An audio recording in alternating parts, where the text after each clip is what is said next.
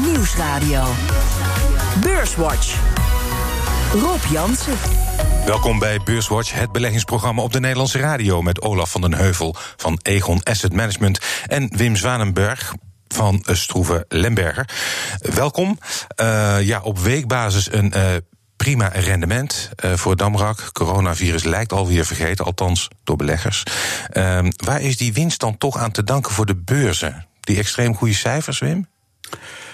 Extreem goede cijfers, nou niet van de AIX-fondsen, grosso modo. maar wereldwijd en ook vooral in de VS vallen de cijfers wel beter uit dan, dan verwacht. economische cijfers, macro-economische cijfers geven een gemengd beeld. Voor de Europese economie toch nog wel wat zorgwekkend. Hm. Het is toch wel het positieve technische sentiment. De hoop dat het mee gaat vallen, het aantal slachtoffers van, van het virus in, in, in China. En natuurlijk, er staat heel veel geld langs de zijlijn. Mm. Er wordt ook nog heel veel geld nog steeds in vastrentende producten belegd. Mm. Maar er moet ook een stuk naar de aandelen. En dat geeft nu toch wel mm. de positieve swing. Is dat volgens jou ook de reden, Olaf, dat die beurzen er goed bij blijven liggen? Ja, ik denk dat er is ongelooflijk veel geld in deze wereld. Je moet niet vergeten dat uh, vorig jaar alleen al de Amerikaanse rente uh, 200 basispunten, dus uh, 2% naar beneden is gegaan.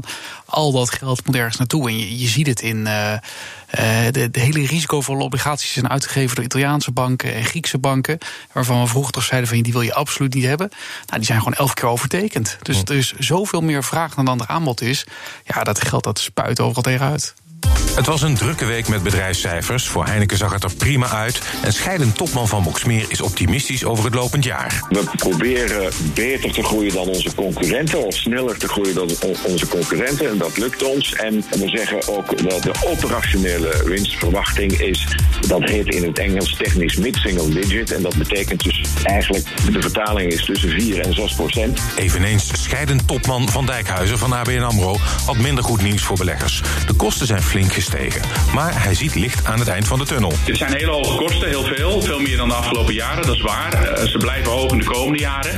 Maar we hebben ook andere besparingen in onze IT-systemen. Zaken meer naar de cloud brengen en zo, die ook tot kostenbesparingen leiden. En ook deze week bleef het coronavirus voorpagina nieuws. The number of cases worldwide moving past 65,000.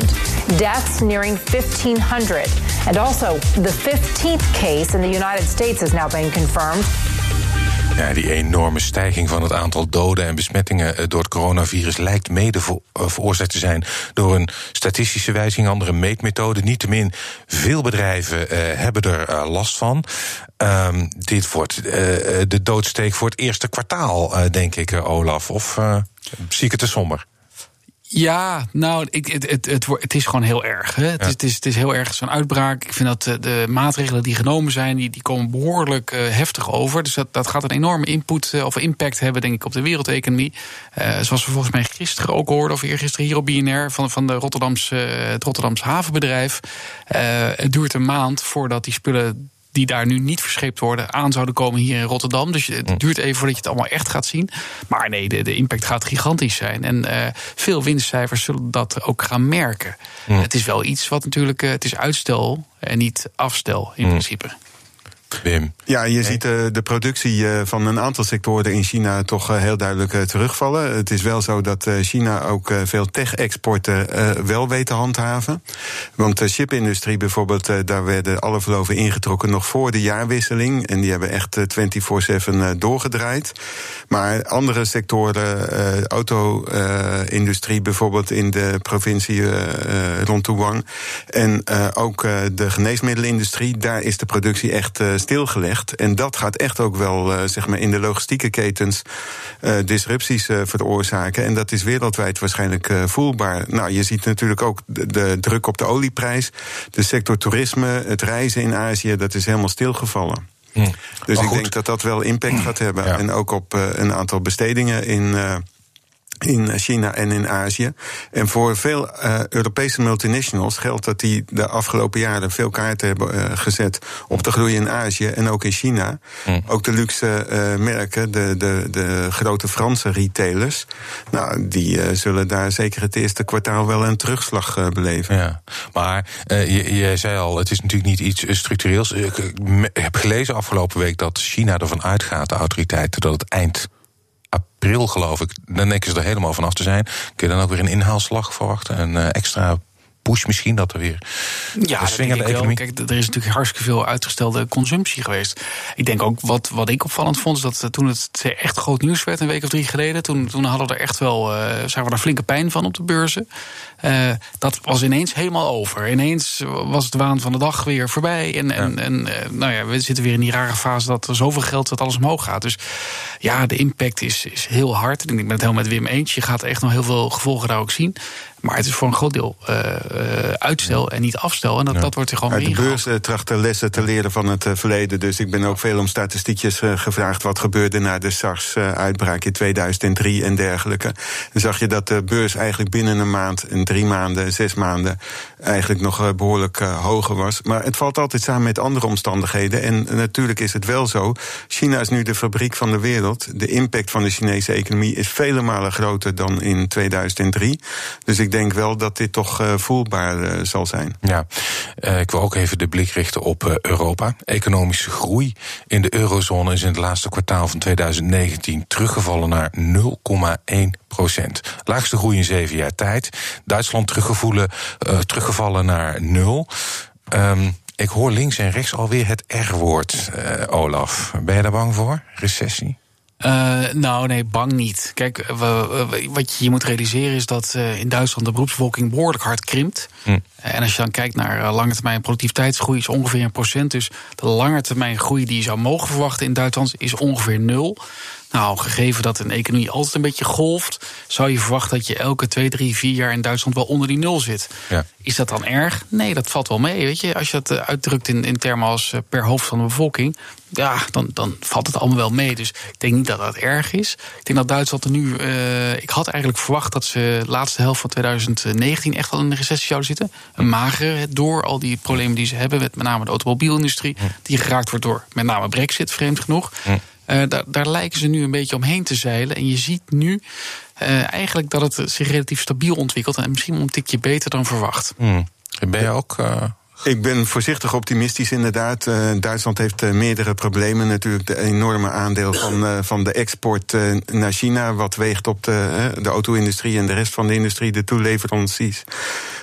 maar als je kijkt naar de dienstensector, die floreert toch in Duitsland. kijk daar naar de cijfers van de inkoopmanagers bijvoorbeeld.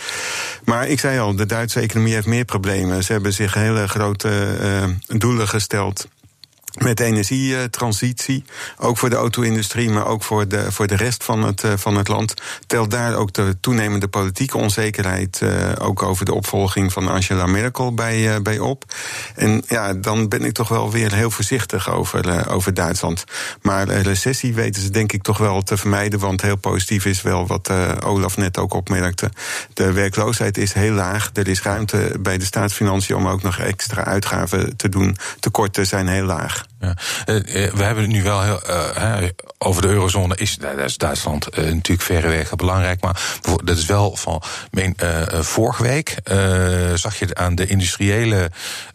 aan de export. dat de daling vooral niet kwam door China, maar de rest van de EU. Niet alleen uh, Brexit, maar ook uh, andere Europese uh, partners. Dus het zou misschien erop kunnen duiden dat het bijvoorbeeld in Zuid-Europa ook niet zo goed gaat, Olaf. Als je, als je, heel goed kijkt, hè, je kunt, al die cijfers heb je helemaal uitgesplitst. Als je voor Duitsland heel goed kijkt, dan zie je dat de exporten naar China eigenlijk de afgelopen jaren gestaag doorgegroeid zijn. Ja. Ook de exporten naar Amerika gestaag doorgegroeid. Zoals naar Frankrijk gestaag doorgegroeid. Er is één grote knik te zien. En dat was uh, ergens in 2016. Kloek hm. naar de UK ging het ineens minder. Ja. En dat heeft dan toch echt met die brexit te maken. Als je dan doorkijkt naar van wat waren dan de exporten... lijken het ook nog eens voornamelijk auto's te zijn. Ja. Ik denk dat dat uh, een beetje de eerste zwaluw van... Uh, nou, niet de zomer, maar misschien van de herfst was in die zin. Dus het is nu al wat uit, uitgebreid, of uit, breder geworden. Maar op zich, binnen de Europese Unie gaat het eigenlijk wel heel redelijk. Het is vooral dat, dat rare handelsonzekerheid rond, rond de UK die een hele grote rol speelde. Hm. Overigens denk ik ook dat in Duitsland, uh, want ik ben eigenlijk best wel optimistisch als, nu, als we nu kijken naar de economieën. Hm. Uh, want we zien overal dat er eigenlijk te weinig geïnvesteerd wordt. Het lukt niet om productiviteit te vergroten. Dus bedrijven zijn heel terughoudend. Uh, maar in die hele omwenteling naar een nieuwe economie, daar liggen wel de kansen om echt productiviteitswinsten te gaan behalen. Uh, En dat maakt de wereld denk ik wel weer een stapje beter. In de UK overigens, hè, dus uh, viel eigenlijk de economische groei nog uh, mee over het afgelopen kwartaal, afgelopen jaar. En je ziet nu ook dat de ramingen toch niet naar beneden worden bijgesteld. Maar en en die oproep van uh, onder andere centrale bankiers van goh, overheden, Nederland, Duitsland, doe eens wat meer om de economie te stimuleren. Dat is dan misschien niet nodig? Ja, kijk, het probleem is als overheden de economie gaan stimuleren. Dat is meestal een lastig verhaal. Meestal betekent dat dat je groei van de toekomst naar nu haalt. en dan probeert op die manier de pijn uit te smeren. Hm. Ja, dat is nu niet, niet, het probleem. Er is niet echt pijn in de samenleving. En de werkloosheid is niet heel erg hoog. Dus uh, ja, wat gaan ze dan precies, eh, wel, welke pijn gaan ze nou precies verzachten? Ja. Uh, nou, en de Duitsers zou ik wel een advies hebben. Ga echt meer investeren in infrastructuur. Ja, ja. Uh, mondjesmaat doen ze het al, maar er kan echt veel, veel meer. Daar wil ik toch wel even iets op zeggen. Want als je kijkt naar hoe de Duitse begroting zich nu ontwikkelt, als er niets gebeurt, dan gaan we daar in de min, net zoals we in Nederland, in de, richting de begrotingstekorten gaan. En dan moet je afvragen, voor, voor wie leg je al die mooie nieuwe snelwegen aan. Hè? Kijk, ik ben het helemaal met je eens. Infrastructuur kan alles zijn.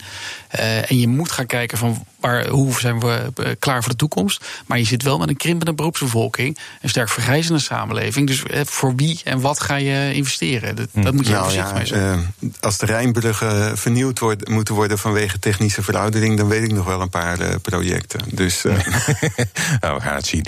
Um, u luistert naar Beurswatch met Olaf van de Heuvel van Egon Asset Management... en Wim Zwanenburg van Stroeven Lemberger.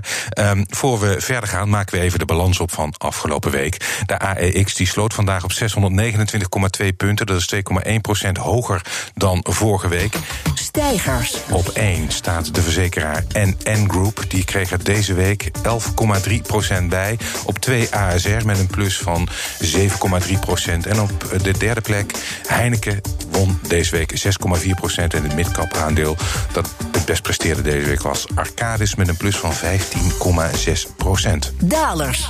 Op 1 ABN AMRO verloor 9,4 procent.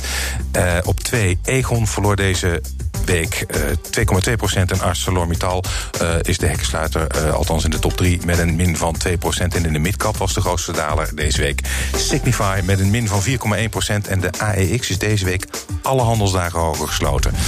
Um, ik wil even aftrappen met Heineken toch nog onverwacht deze week de laatste jaarcijferpresentatie van Jean-François van Boxmeer, topman van Heineken. Eh, en eh, die werden beter, nog, nog iets beter ontvangen dan die van Ahold.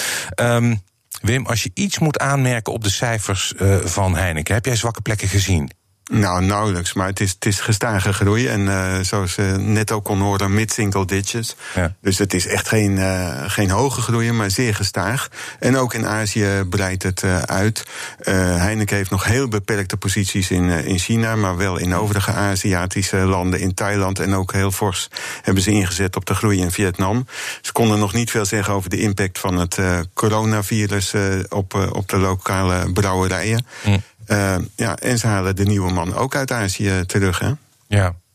Ja, inderdaad. Uh, ja, die heeft over, over zo'n beetje op alle belangrijke plekken. Uh, die heeft maar daar had ook zeker de ervaring opgedaan. Ja, ja, absoluut. Ja. Um, wat wordt zijn belangrijkste uitdaging voor die nieuwe topman, denk je? Nou, om, om, om dat waar te maken. Er, er zijn forse bedragen neergeteld voor de overnames, toch wel de afgelopen 10, 15 jaar. Ja, en ja, ik denk dat dat uh, de voornaamste uitdaging uh, uh, is. Wat, wat heel mooi is aan, de cijfers van, van Heineken, was ook de groei van alcoholloze bier. De prijzen liggen bijna gelijk, terwijl de accijns veel minder zijn. Dus dat betekent dat de marges op die alcoholvrije bieren beduidend hoger liggen. Mm. En uh, de groei van uh, ja, de premiummerken in het buitenland. Ik vond zelfs ook uh, heel mooi dat de cijfers van de groei in Brazilië echt uitstekend waren. Ja, dat is voor Heineken. Nou, voor het Heineken-merk inderdaad inmiddels de, de, de grootste markt. Waar eigenlijk AB InBev ja. dominant is. Um, jij hebt of had een voorkeur voor uh, Ja. AB InBev. Nog steeds wel. En nog steeds wel, ja, Ja. toch wel. Ja. Een beetje op basis van waardering en de onderliggende trend. En toch ook, eh eh, ja, AB InBev is wat, eh, wat agressiever. Heeft natuurlijk eh, ook eh, die, die geweldige eh, overname eh, gedaan een aantal jaren geleden. Wat er nog niet helemaal uit is eh, gekomen, wat de synergievoordelen betreft. Een distributienetwerk van AB InBev is toch wel gewoon beduidend groter dan van eh, Heineken. Hm. Ehm, ja, ik moet zeggen, eh, in mijn rubriek Jansen belegt op eh, maandag. En dan eh, bespreek ik mijn portefeuille. Daar is Anheuser-Busch uh, InBev wel. Een van de grootste, een van de grootste bleeders. Ja, hij is een achterblijver. Ja, ja, achterblijver, Ja, het gaat niet in tientallen procent. Nee, op basis van waarderingen. Ik heb verschillende modellen, aandelenmodellen internationaal voor Europese en Amerikaanse aandelen. Staat qua waarderingspotentieel eigenlijk AB InBev eh, behoorlijk eh, bovenin. Ja, ja. Ja. Ehm, Ahold Delhaize. Eh, ook gekomen met cijfers. Per saldo wel gewaardeerd door beleggers. Pijnpunt blijft daar België, waar Delhaize het slecht bij eh, eh, blijft doen. Ehm, reden om afscheid te nemen van Delhaize? Want eh dit is daar alleen maar prijsvechten, Wim. Nee, ik denk niet dat de cijfers van de afgelopen week typische reden zijn om afscheid eh, te nemen. Ik, ik moet zeggen. Het duurt wel lang ik voor ze het lek boven hebben. Ja, maar ik, ik was daarom al langere tijd eh, voorzichtig met Ahold Delhaize. Eh, maar je ziet op de belangrijkste markt, VS, doen ze het eigenlijk heel goed. Hier werden de ogen wat gericht op, op, België. Op de thuismarkt Nederland doet Albertijn het heel goed. In Amerika ook en met eh, en ook eh, Bol.com. Ik vond het eigenlijk jammer en dat vond ik wel een beetje toch teleurstellend...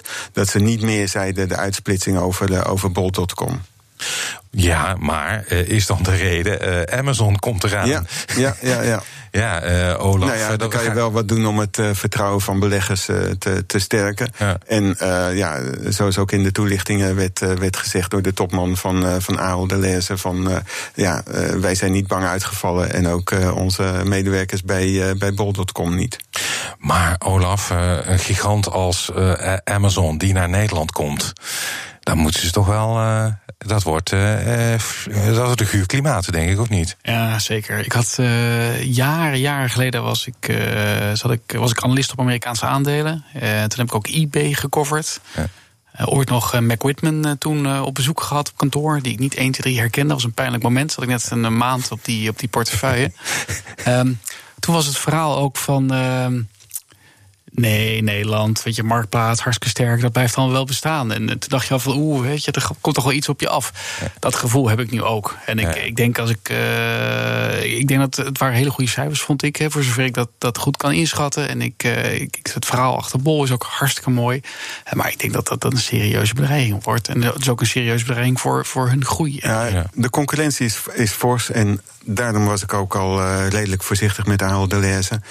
Maar de factor dat zeg maar, Amazon naar Nederland komt, die zou ik toch wel wat willen relativeren. Want Amazon was al dichtbij eh, internationaal. Eh, als je wat wil bestellen in de VS of in Amerika, dan kan dat. Bovendien Amazon Duitsland eh, was om de hoek als het eh, ware. Dus eh, ja, ik, ik weet nog niet of dat direct een heel groot marktaandeel gaat extra vergaren in Nederland. Ja. En Bol.com is wel op de bestelmarkt in Nederland, zeg maar, dat merk.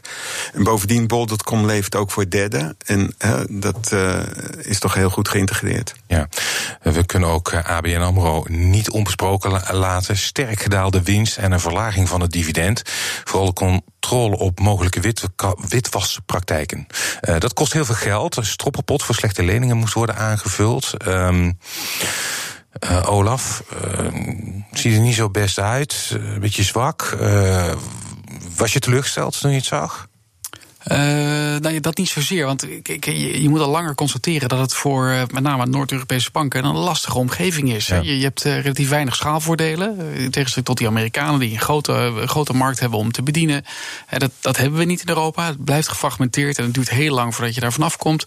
Eh ABN AMRO heeft er natuurlijk bewust voor gekozen om een wat beperkter model te hanteren. En ze hebben minder eh, puinhopen op te ruimen en daarmee ook kans om te groeien dan, dan de, de Zuid-Europeanen hebben. Dus ja, het is allemaal wel wat moeilijker. En je ziet nadrukkelijk toch dat in Nederland, ja, je ziet het ook bij veel private equity deals. Je zag het bij de Rabobank ook. Dat, dat, er komen wat liquiditeitsproblemen bij, bij kleine financieringen. Hmm. En, en dat is toch een lastige, lastige kant aan het worden.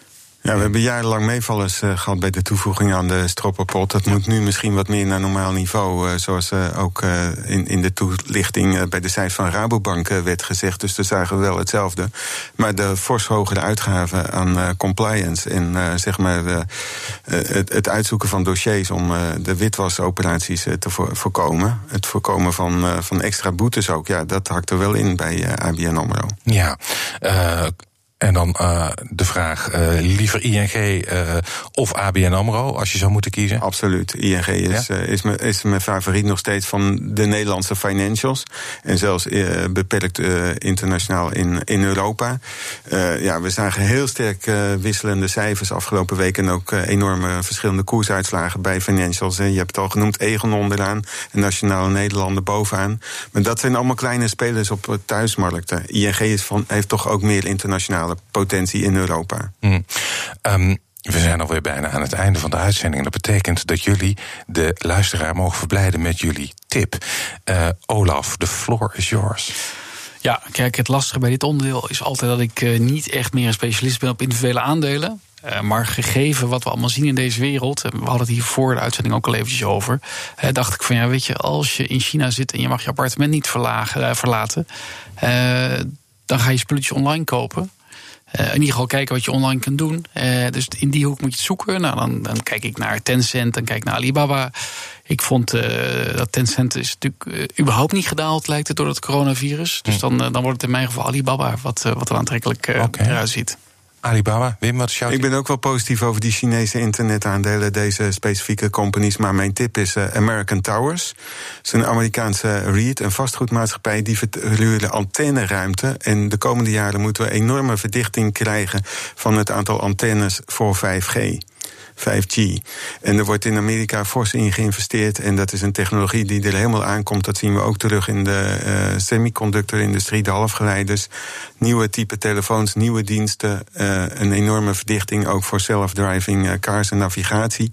Dus American Towers in Amerika, AMT de tickersymbool. En ze zijn ook actief buiten de VS. Afgelopen vijf jaar, afgelopen tien jaar uh, leverde dat uh, meer dan 20% rendement per jaar op. En ik zie geen reden waarom zich die trend niet zou voortduren. Hartelijk dank. Wim Zwanenburg van Stroeven Lemberger en Olaf van den Heuvel van Egon Asset Management. Dit was Beurswatch. Als u wilt reageren, dan kunt u een mail sturen naar beurswatch.bnr.nl of tweeten naar Rob Jansenbeurs. Terugluisteren kan via de site, de app, iTunes of Spotify. En graag tot volgende week.